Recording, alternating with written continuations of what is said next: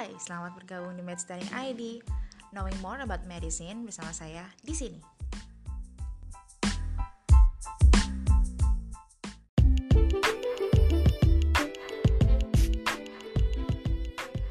Kembali lagi di MedStudying. Akhirnya ada episode kedua.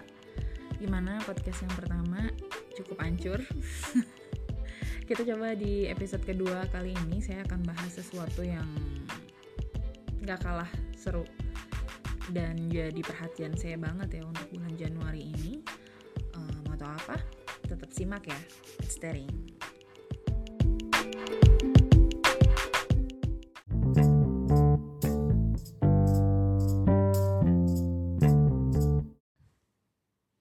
Hai, untuk podcast kali ini aku bakal ditemenin sama adik aku. Jadi kita akan bahas tentang kasus yang lagi booming banget di awal tahun ini. Jadi kita mau bahas apa, Dek? Hmm, apa ya? Uh, banjir Jakarta bukan? Bukan, mah. Jadi kita mau bahas tentang infeksi coronavirus. Hmm, Awal hmm. tahun 2020 ini, jadi ada infeksi 2009 anchovy atau no- novel coronavirus yang jadi masalah kesehatan dunia. Awal awalnya itu dikasih tahu nih, dikasih informasi dari Badan Kesehatan Dunia atau WHO Hmm. itu tanggal 31 Desember 2019. Katanya itu ada eh, kasus pneumonia dengan eh, pen- apa namanya tuh penyebabnya tuh masih belum jelas gitu di kota Hmm. Wuhan, provinsi Hubei, Cina. Ya. Nah, kasus ini tuh terus berkembang sampai akhirnya tahu nih penyebab dari pneumonia ini adalah novel coronavirus. Ini dilaporkan sendiri oleh pihak Cina sekitar tanggal 7 Januari 2020. Oh, Dan ini terus berkembang sampai ada laporan kematian coba. Oh. Sampai juga ada terjadi importasi di luar Cina. Terus novel coronavirus ini adalah eh, virus jenis paling baru yang ditemukan. paling baru uh, emang jenis virus emang banyak kak? Sebenarnya sih kalau virus itu memang dari jenisnya itu ada dua. Pertama kali ditemukan virus itu tahun 1892 Hmm. yang tipenya itu ada virus DNA sama virus RNA. Jadi sifat dari kedua virus ini tuh berbeda. Kalau virus DNA cenderung less dependent on host, sedangkan kalau RNA itu dia bergantung banget sama hostnya. Oh gitu. Terus apa lagi kak? Terus virus DNA itu dia replikasi atau reproduksinya tuh lambat dibandingkan dengan RNA yang sangat cepat. Oh, heeh. Terus yang perlu kita tahu juga, RNA itu mudah banget untuk bermutasi. Mm-mm. Contoh-contoh penyakit karena virus RNA itu contohnya adalah influenza, rotavirus, hepatitis A, hepatitis C, Ebola, Zika, HIV. Nah, coronavirus itu contohnya kayak common cold atau enggak SARS tuh tahun 2003 tuh ada ya. Kemudian ada MERS eh, tahun 2012. Oh iya ya. Mm-mm. Karena sifat si virus RNA ini yang mudah bermutasi, akhirnya dia menyebabkan kan suka ada tuh ya vaksin influenza. Mm-mm. Nah, vaksin influenza ini kadang tidak memberikan efek yang signifikan pada semua musim flu yang terjadi gitu. Oh gitu. Dan si novel coronavirus ini itu termasuk dalam virus RNA. Oh gitu. Oh ya kak, Eh, aku punya info nih. Barusan aku searching searching, terus dapat data. Terus katanya tuh infeksi coronavirus ini berasal dari seafood market yang ada di kota Wuhan. Nah terus tuh dinyatakan kemungkinan besar transmisinya itu dari ular. Tapi belum belum pasti juga sih nggak tahu sebabnya dari mana. Eh, ada yang bilang katanya dari ular, ada yang dari kelelawar kayak kayak gitu-gitu. Nah terus eh, apa sih aku juga dapat info katanya dia itu bisa menular dari manusia ke manusia. Nah gitu. Mm. Terus eh, dari apa sih website yang aku baca hari ini tuh kak apa sih ada total pasien yang terkontaminasi terinfeksi dari apa sih eh, coronavirus ini sekitar 14 ribuan kak jadi 14.498 Hari ini tanggal 2 ya. Iya. Terus apa sih yang paling banyak nih Kak? Ini tuh dari Cina, dari negara asalnya sekitar 14.325 kasus. Mm-mm. Itu tuh paling banyak di dunia. Sedangkan eh, yang lainnya ada Jepang, Thailand, Singapura, Korea Selatan, Hong Kong, Australia, Taiwan, kayak gitu-gitu.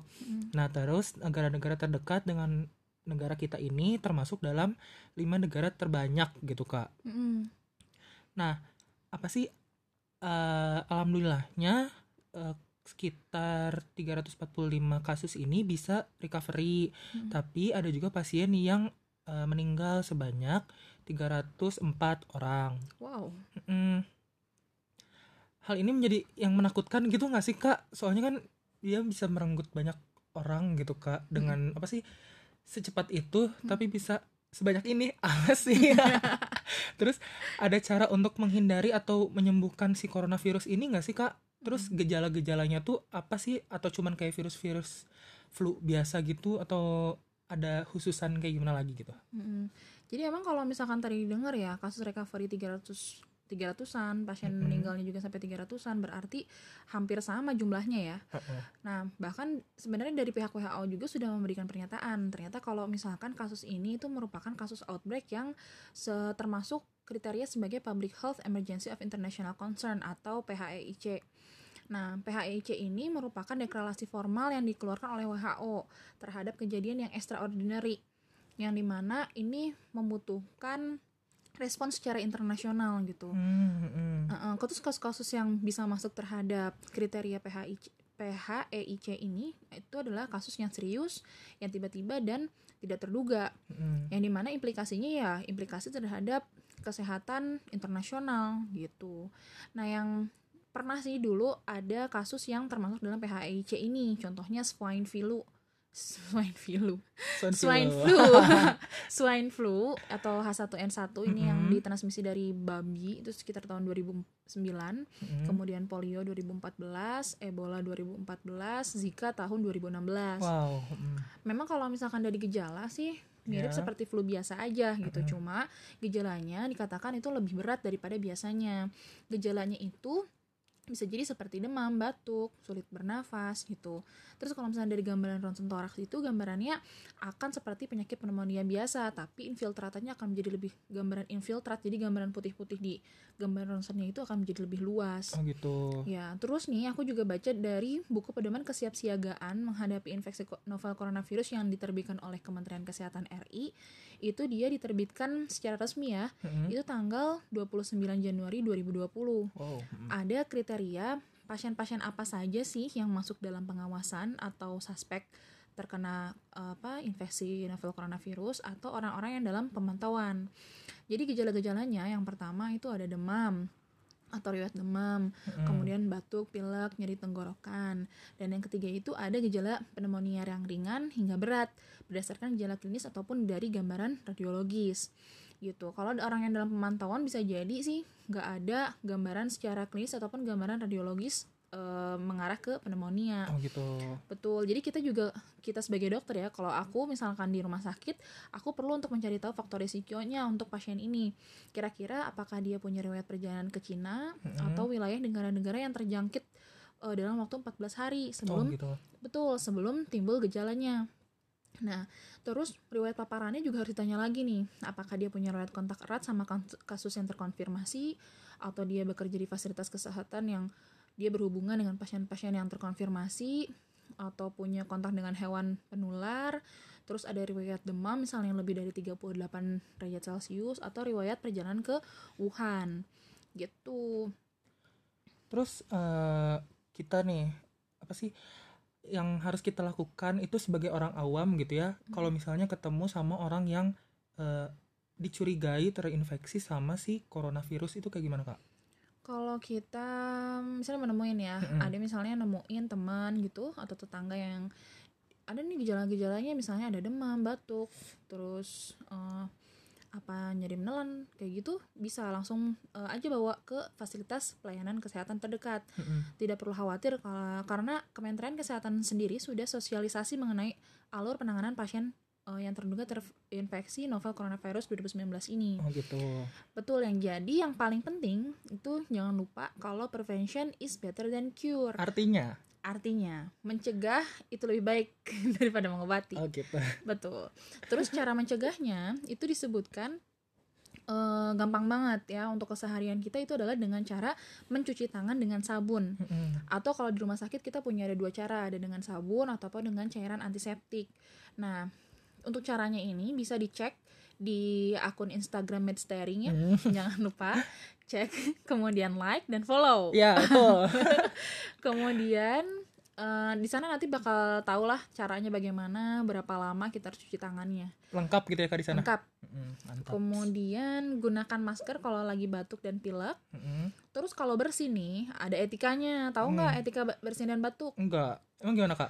Kalau eh, lagi bersin atau batuk kita harus menutup mulut dan hidung. Pakai tisu atau kain. Dan tisu dan kain itu harus segera dibuang ke tempat sampah yang tertutup. Jadi nggak boleh ke tempat sampah yang terbuka. Oh gitu. Ya kita juga bisa sih dengan eh, menutup apa hidung dan mulut kita pakai siku. Jadi sikunya ditekuk terus kita batuk di situ. Oh gitu. Betul, jadi terus selain tadi etika bersin, pakai masker, cuci tangan, kita tetap harus menjaga kesehatan kita. Misalnya dengan makan makanan yang bergizi dan seimbang, berolahraga. Terus kalau kita makan makanan yang eh, apa namanya diolah gitu ya, nggak boleh makan makanan yang masih mentah ataupun setengah matang gitu. Harus cukup istirahat. Gitu deh. Jadi kira-kira apa lagi yang mau kita sampaikan ya? Hmm, apa lagi ya kak? Hmm, kayaknya terakhir deh buat aku ya, Mm. Eh, buat teman-teman teman semuanya, para pendengar setia Medstering dan yang ngefollownya, jangan lupa nih, jangan kalian panik gitu sebagai masyarakat Indonesia. Jadi kita tuh harus tetap tenang gitu, walaupun lagi heboh-hebohnya gitu, kita harus tetap tenang. Terus jangan lupa tetap stay alert.